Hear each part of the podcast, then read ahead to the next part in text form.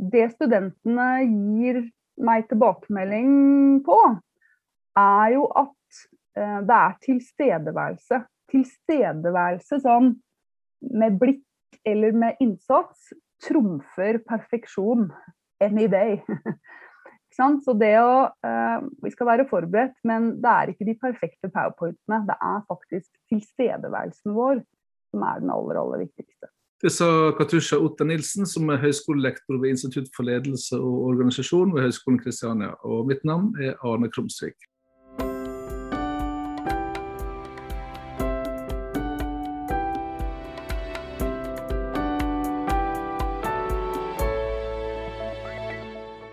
Jeg tror jeg alltid har blitt fortalt gode historier og litt å være i en sånn setting hvor noen har fortalt noe. Og som enebarn så var det ikke så mange andre barn jeg kunne høre på, det var kun mine foreldre. Så jeg, jeg tok raskt sånn rollen i baksetet i bilen og satt og fortalte historier. og også mye historie. Jeg hadde en fantastisk historielærer eh, som jeg syns klarte å kanskje forene fortid og nåtid og de små historiene med de store. Og jeg tror kanskje det er litt av, eh, litt av det jeg prøver å gjøre nå også, i voksen alder. Eh, men jeg, jeg, liker meg eh, i settingen, eh, i undervisning. Jeg har alltid søkt meg til undervisningsjobber da jeg tok hovedfag, da, bare for å nevne det, da jeg tok hovedfag på Blindern i statsvitenskap i sin tid. Så søkte jeg om å være timelærer på det som den gang var Høgskolen i Oslo. Og kom inn på intervju, og der satt det liksom to litt sånn godt voksne folk, erfarne, og jeg var 25. Men det de søkte om, var jo en, en hovedfagsstudent. da. Men de hadde åpenbart intervjuet veldig mange, og så kom det til meg. Jeg syntes de virket litt slitne, og så stilte jeg et spørsmål. Ja, hva syns du da om å forelese for flere her liksom, i et brått auditorium med mange mennesker? Og så sa jeg bare jøss, jo flere jo bedre, sa jeg. Og mente det, liksom. Og da så jeg at de så på hverandre og nikket. da var det liksom i boks. Eh, og jeg har vel egentlig alltid likt det derre uh, å være foran et stort publikum. Det gir meg liksom litt sånn uh, tilstedeværelse av den store massen, som jeg tenker at en del skuespillere også vil kjenne seg igjen i. Mm. Mange av dine kollegaer syns det der er litt uh, skummelt, når det blir så mange? Ja, jeg syns det er mest skummelt å komme hit til denne podkasten og dette intervjuet med deg. Både fordi at det er så oversiktlig eller gjennomsiktig. Det er bare du og meg, og alt det vi sier blir eh, ikke bare tatt opp, men eh, skrekk og gru kanskje lyttet til en gang siden også. Og jeg har jo ikke kontroll over de spørsmålene du stiller meg. Men i en undervisningssituasjon så har jo jeg alltid den muligheten til å forberede meg godt. Og da har jeg jo kontroll over det som skal skje. Og kanskje litt sånn i motsetning til hva man skulle tro, så er det jo ofte sånn at det er i mindre grupper det er mer spørsmål og mer interaksjon. Eh, hvis du underviser for mange, så opplever man jo ikke at 300 stykker reiser hånda i været og, og, kommer med verken spørsmål, kritiske kommentarer eller for så vidt heller ikke ros. da. Men, men, du styrer jo faktisk veldig, veldig mye selv. Um, og det, det, er jo ikke noe å være redd for hvis man er godt forberedt. Og da er det jo heller oppgaven å, å, faktisk få til engasjement, da. Ikke sant? Mm. Hva må du gjøre da for å få til det engasjementet? Oh. ja, forberedt har jeg nevnt, da.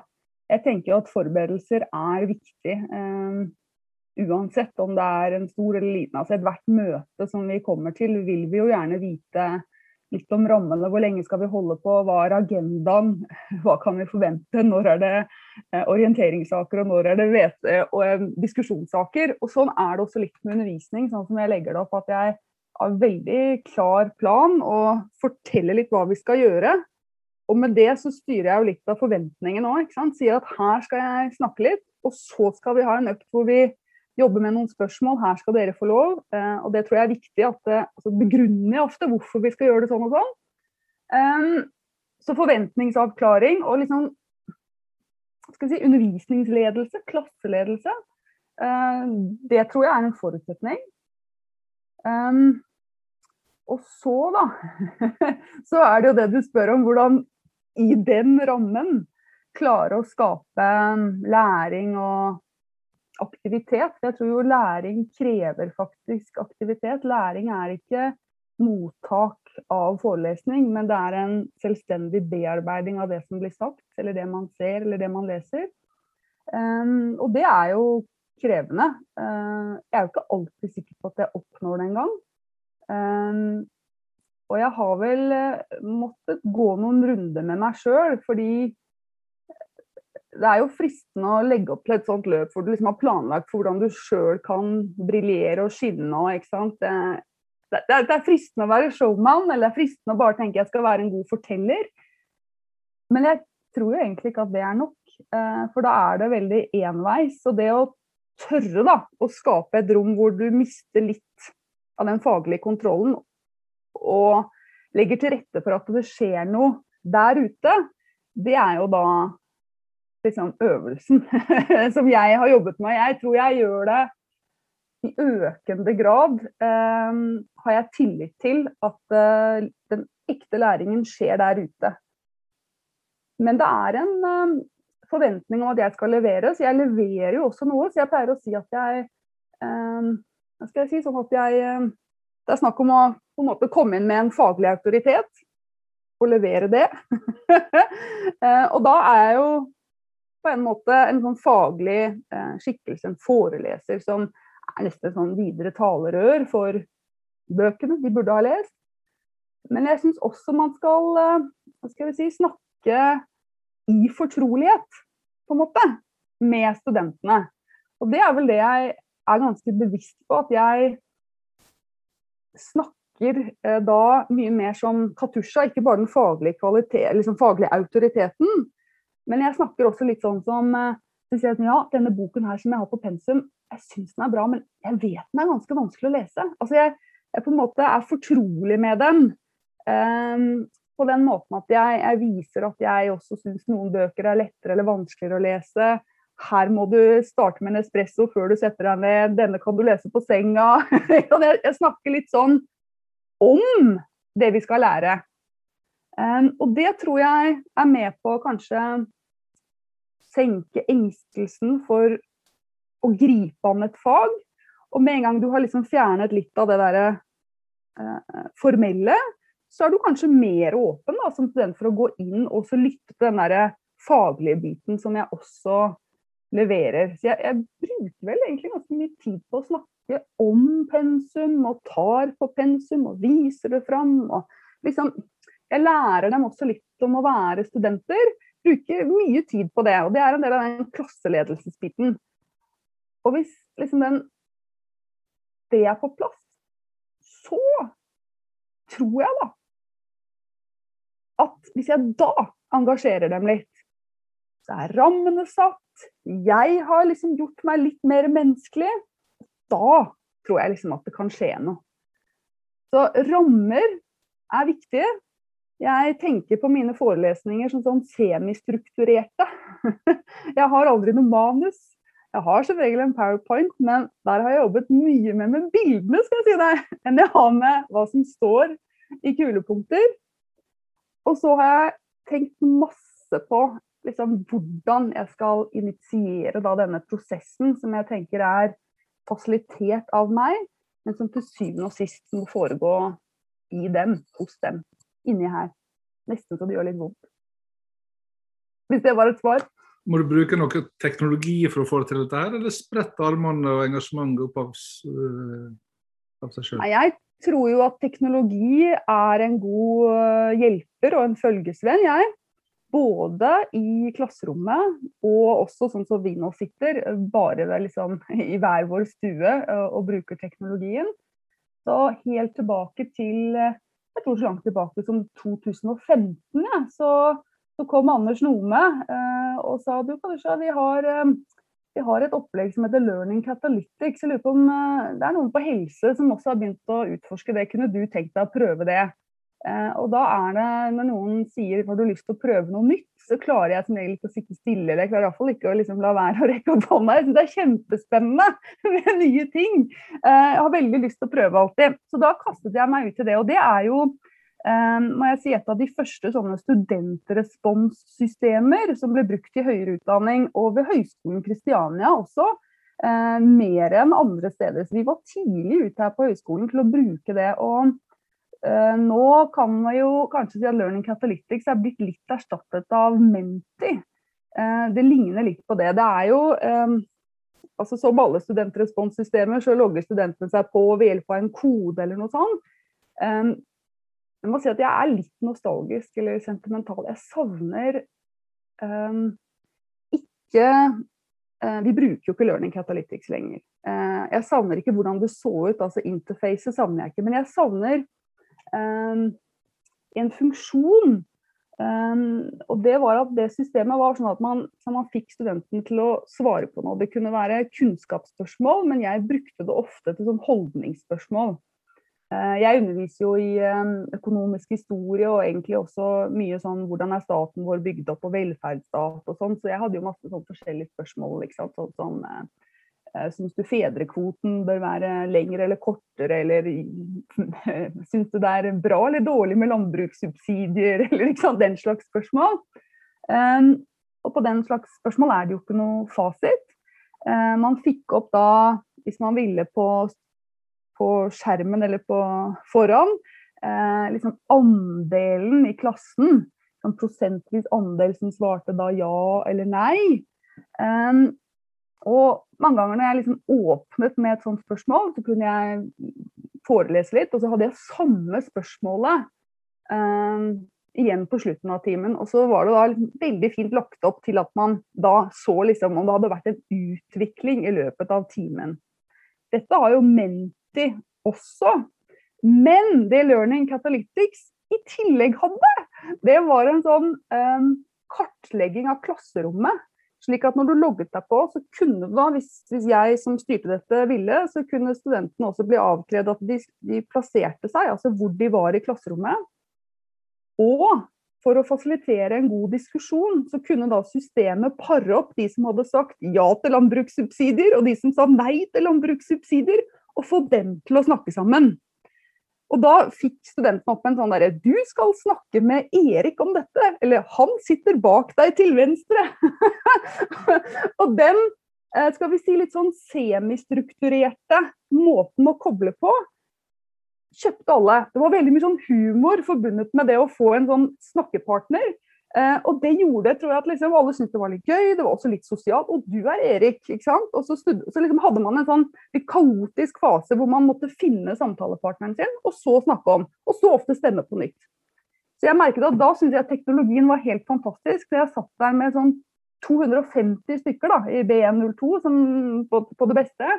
Og systemet laget eh, sånn helt avhengig av hva jeg ville, om de som var uenige skulle snakket om, eller de som var enige med hverandre skulle snakke sammen. og sånn. Det syns jeg var helt gull. Fordi det å alltid si sånn ja, nå kan du snakke sammen med bestevenninna di som sitter ved siden av deg. Altså det å alltid skulle pare opp eh, med den som sitter ved siden av deg og snakke sammen, det, det har det gjort så mange ganger. Det er bare en kjedelig gjentagelse. Det er en forutsigbar eh, øvelse. Så det å bli satt sammen eh, på den måten, eh, litt sånn random, men allikevel ikke random, at det var meningsutveksling som skulle komme fram. Og da la jeg ofte inn sånn at ja, nå er det dere som eh, I salen har vi 54% for flere landbrukssubsidier. Nå må vi se om vi kan Ikke sant?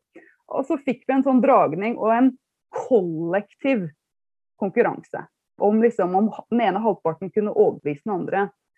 Og det tror jeg også er Eh, viktig eh, og en sånn, eh, noe man bør prøve på, det er jo å få til at vi her nå, vi er skikkelig mange, men det er ordentlig gøy. At, at, selve gruppestørrelsen i seg selv skaper en dynamikk. Um, for i alle andre sammenhenger vet vi at når man er på rockekonsert eller i teater, så er det bra når det er full sal. um, men i undervisning så tenker vi ofte at det er de små gruppene som er de beste. Og jeg tror ofte det stemmer. Men det går jo an å prøve å få den derre Vi-helheten her, det at det er full sal, det at det er liksom 284 pålogget, at det i seg selv også blir da, um, en dynamikk. Så eh, bruker jeg jo også Kahoot. Jeg gjør det, altså. Eh, og det er kjempegøy, eh, selvfølgelig. Um, Men jeg vil jo mene at uh, Kahoot da, det er, en, uh, det er en læringsopplevelse, hvis du kan kalle det det. Det har ingenting med læringsutbytte å gjøre. Jeg tror ingen uh, nødvendigvis lærer så mye av en Kahoot. kan være at du klarer å anspore folk til å konsentrere seg litt mer hvis du sier at det kommer en repetisjonskahoot om en 20 minutters tid. Kanskje, men det går så kjapt, og det er rammet inn i farger. det er litt mer vorspiel, altså, for meg. Uh, så jeg er ikke noe sånn uh, Selv om uh, Marit Syner en gang begynte å kalle meg for Kahutska. jeg var aldri sikker på om det var et kompliment eller et skjellsord. Men det var, jeg fikk et sånn, sånn uberettiget rykte av å bruke Kahoot ofte og mye. Det var litt feil, altså. Jeg, jeg har brukt Kahoot, men, men helt eh, sånn bevisst på at dette her er en sosial greie og handler kanskje litt om motivasjon og litt sånn. og når du har tre timers forelesninger, så kan du godt tillate deg liksom, litt moro, men å si at det er, dette er en del av liksom, læringsformidlingen min, det vil jeg tro er å, å ta i litt. da. Um, men igjen uh, så tenker jeg jo da, hvis man har store klasser, Eh, og driver da med Kahoot. Det å igjen kunne tilføre eh, og bruke størrelsen og si at nå, nå vil jeg at dere skal eh, signe opp på Kahoot, men kan dere ikke da for moro skyld eh, som en sånn eh, i, i, navnet du logger deg på, men kan du ikke si hvilke, hvilke studieløp du går på? Er det BAP eller BOP eller BHT, eller altså er det slik at når vi nå får opp den der scoreboarden, så kan jeg si nå gjør HR og personalledelse sterkt her. Fordi da utnytter man mengden. Da er det ikke bare en Kahoot, men da er det plutselig studieløp som er med i den Kahooten. Og da er det mye morsommere. Da skaper man en dynamikk i mengde. Så det, det finnes da noen små sånne muligheter, men eh, de må vi bruke for alt det er verdt. For det kan være fantastisk. Eh, å sitte eh, som en del av et auditorium og kjenne på liksom, det hele. Og så flytta plutselig alt sammen inn i, eh, inn i Zoom-rommet. Mm. Hvordan eh, var den endringa for deg? Måtte du jobbe på en helt annen måte? Um, jeg måtte jo tilpasse en del av disse øvelsene. Uh, og jeg måtte Jeg måtte også ha litt hyppigere variasjon. Um, fordi Selv denne podkasten her står i fare for å bli for lang. Det er noen som Jeg vet ikke om du ser på hvor lenge folk hører på podkastene dine, men jeg vil tippe at eh, det er mange som begynner, og så hopper de av. Og Sånn er det jo litt på Zoom også. at Det er, eh, det er så lett å hoppe av. Uh, I tillegg hvis studenter som ikke har på bilde eller lyd, det er jo ingen som legger merke til om de tar seg en tur ut eller ikke. Så når, når terskelen for å forlate er så lav, så gjør man det. Og Derfor så må man også som foreleser eh, legge opp til litt sånn kortere, altså ikke for lange eh, sekvenser. Um, og jeg har hatt uh, store grupper på Zoom, og det er jo noen utfordringer i det. Ikke sant? Mengde gjør da at du blir anonym og du sitter alene. Um, så da kan man ikke skape suget. Ikke sant? Jeg kan ikke eh, kjenne heller på latteren i rommet. Det er helt dødt. helt dødt. Eh, og hvis det kommer noe, så er det kanskje i form av eh, helt unødvendige skriblerier i chatten, eller sånne annotation, at du får plutselig liksom pupper og tissepanter på slidene dine. ikke sant? Så du må egentlig um, gripe an dette på en annen måte. Du må fjerne chatten, kanskje fjerne annotation. Du må gjerne si til alle slå av kamera. Gjerne gjør det. Det viktigste er at dere følger med. Hvis du merker at du blir mer opptatt av eget speilbilde eller Ronnys eh, kaffelaging på kjøkkenet, så anbefaler jeg at du slår av bildet. Det er, det er mange som snakker om at de må være flinkere til å slå på, men kamera og masse små videofilmer kan også virke veldig distraherende fra det som faktisk er det som skal foregå, nemlig undervisning. Så jeg, jeg, er ikke den som krever at folk skal ha på kamera, snarere tvert om jeg sier det er ditt valg. Um, du merker selv om du blir distrahert eller ikke. Og blir du det, ta den av. Det betyr ingenting for meg. Det viktigste er at du liksom er med. uh, og så oppfordrer jeg deg heller til at uh, hvis man skal inn i uh, breakout rooms, da oppfordrer jeg kanskje til å tørre å gjøre det. og i store grupper så går det an å bruke breakout rooms. Det er ikke noe sånn teknisk hindre for det. Men hvis gruppa er så stor, så er sannsynligheten for at de studentene kjenner hverandre dårlig, også mye høyere. Og da er terskelen høyere for å delta. Så mitt råd er jo alltid da, hvis man skal tillate seg å prøve seg på breakout rooms, må du ha en viss størrelse på breakout roomsene. Sånn at ikke liksom, du, du setter opp ja, vi tar fire i hver gruppe, men så er det to som forsvinner, og så sitter det to der, og det blir skikkelig kleint. Så du må gjerne opp i sånn åtte stykker i utgangspunktet, sånn at liksom, frafallet ikke merkes så tydelig.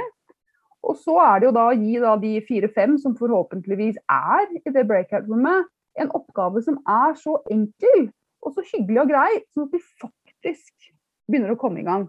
Og det tror jeg vi ofte vi glemmer det der at uh, alle trenger en innledende runde. Um, rett og slett, Iallfall når det ikke er obligatorisk. Du er jo ikke lenket. Så liksom, hva skal til? Og da er det jo eh, enkle åpne, ikke sant. Det er sånn Ja, hva heter du? Eller uh, jeg har begynt nå, jeg syns det var veldig pedagogisk. Jeg tror Pedtech ville vært glad i meg da jeg hadde et sånt spørsmål. Så sa sånn Kan dere ikke ta en runde og snakke om hvordan dere jobber med dette faget? Hvordan dere tror dere kan lære noe i akkurat dette faget jeg skal ha med dere nå? Og jeg håper jo at det fungerte. Det som var formålet mitt, var jo at de da skulle ha et sånn et enkelt tema for diskusjon. Ingenting er riktig, ingenting er feil. Da kan noen si jo gud, jeg håper det legges ut videoer, eller den andre kan si jo jeg har lest og kjøpt alle bøkene, og noen kan si jeg syns det er kjempevanskelig. Um, men at de gjennom å ha sagt noe eh, F.eks. ja, jeg liker jo best å, å, skrive notater, eller ja, jeg liker å se på opptakene når de har blitt engasjert til å ha sagt noe bare for sine venner eller medstudenter om hvordan de liker å lære, så er det jo egentlig slik at de da er i gang med en slags forpliktelsesrunde. Ehm, denne italienske-amerikanske sosialpsykologen Cialdini har dette prinsippet om konsistens og indre forpliktelse. Vi ønsker å fremstå konsistente for omverdenen, men vi gjør det også for oss sjøl. Så ved at de har snakket om hvordan de lærer best, hvordan de liker å lære, så tenker jeg at det er kanskje den strategien de også velger i akkurat dette faget. Så det gjorde jeg litt, da. Før jeg da i neste runde, liksom, når vi gikk liksom, litt frem og tilbake, fikk et spørsmål da faktisk som handlet liksom, litt mer eh, inn i innholdet i hva faget skulle være. Så Det er liksom, litt sånne icebreakers. Eh, men en icebreaker for dem som også eh, forplikter dem individuelt, kan jo da gjøres i sånne breakout rooms. Men, ehm, men eh, med en gang man tar dem tilbake, så er det ofte at eh, antall studenter er halvert, altså. Eh, og noe av det er jo skrekken ved å bli liksom måtte inn i en skjerm. Um, og så er det jo en del ting som vi ikke hadde tenkt på, uh, som jeg har erfart underveis. Og det er jo at noen studenter sitter jo faktisk sammen. Så når vi deler dem inn helt sånn uh, random i breakout rooms, så plutselig så sitter det tre stykker på et kjøkken som alle er kommet i forskjellige breakout rooms, noe som er teknisk umulig. Så da virker plutselig teknologien mot oss ikke sant, i runde nummer to. Det hadde iallfall ikke jeg tenkt på uh, i forkant. Jeg var bare så utrolig glad for at Zoom hadde breakout rooms og tenkte her redder teknologien gruppearbeidet. Men studentene hadde jo faktisk løst gruppearbeidet og interaksjonen sjøl i noen tilfeller. ikke sant? Så Det var en sånn ny liten eh, runde da, som jeg ikke hadde forutsett. rett og slett. Hva tenker du når um, situasjonen normaliserer seg? Vil du fortsette med litt digitalt? Ja, um, jeg tror det. Uh, noe digitalt. Um, og da vil jeg tror jeg konsekvent gå ned til sånn maks uh, to timer. Jeg, ikke, jeg, jeg har jo liksom jeg kom inn i HK-systemet, og da var det tre timer som var standard. Det var tre ganger tolv økter, ikke sant? 36 timers undervisning. Og så ser jeg med glede på at nå vi, vi åpner opp for litt større variasjon. Det betyr at kanskje noen fag til og med gir studentene sine litt mer undervisning. Eh, fordi at det gjøres på litt forskjellige måter. Eh, det kan være Zoom, og det kan være i klasserom. Um, og også egentlig sånn flatt gulv, altså ikke auditorium, men flatt gulv klasserom. Som, som åpner opp for seminar og altså at man jobber litt mer med oppgaver og sånn. Det, det, tror jeg de vil like. Og jeg tror um, ved å igjen drive litt sånn forventningsavklaring til at i disse øktene, sånn på Zoom, som jeg skal holde, da vil jeg si at det her blir det eh, litt sånn enveis. Jeg tror jeg skal kjøre litt sånn si at her er det eh, Jeg skal gjøre det engasjerende, jeg skal gjerne ha litt interaksjon, men hovedvekten vil være på at jeg eh, gjenforteller setter sammen pensum på måter dere kanskje sjøl ikke har tenkt på. Det er, det er, min fremstilling av noen tematikk. da. Uh, og så i auditoriet så vil jeg jo basere meg også litt sånn på, på litt begge deler, og så ha litt mer sånn seminarer hvor, hvor, de jobber, kanskje ved bruk av litt studentassistenter.